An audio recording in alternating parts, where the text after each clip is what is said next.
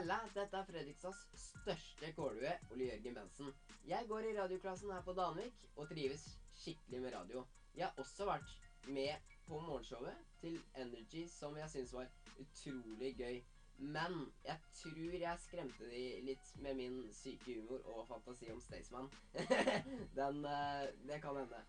Eh, men jeg har også en podkast på nesten 2000 lyttere. Så jeg, da tenkte jeg bare kanskje jeg skal legge inn et lite morsomt avsnitt av uh, poden min. To lave menn som snakker om lave ting. Som ligger ute på Spotify, da. De med Heidisene, har du hørt det? Nei, Nei. det tror jeg ikke. Du har ikke hørt det. Nei. Nei.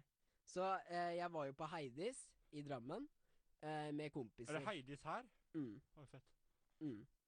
Så um, Så Så Jo, det jeg pleier å gjøre der, da, det er at jeg går ned på alle fire, later som jeg er en bukk, og så bæ, og så skaller jeg dem i rumpa.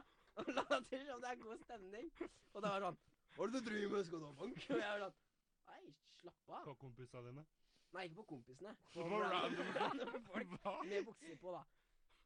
Ja, ja. Og jeg tror det er god stemning. Og så går jeg på urinatet og viber litt.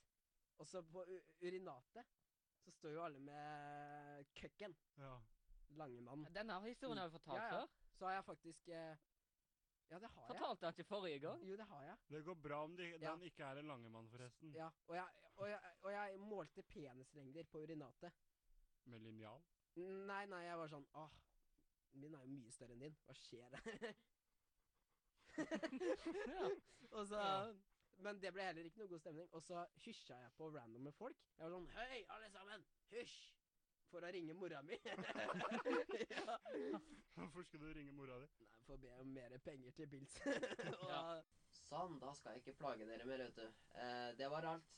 Og jeg håper dere velger meg som en praksikant. Jeg er supermotivert til å gjøre altså arbeidsoppgaver og det dere putter meg i, og jeg ja, digger virkelig radio, da. Og humor. Så ja, takk for meg.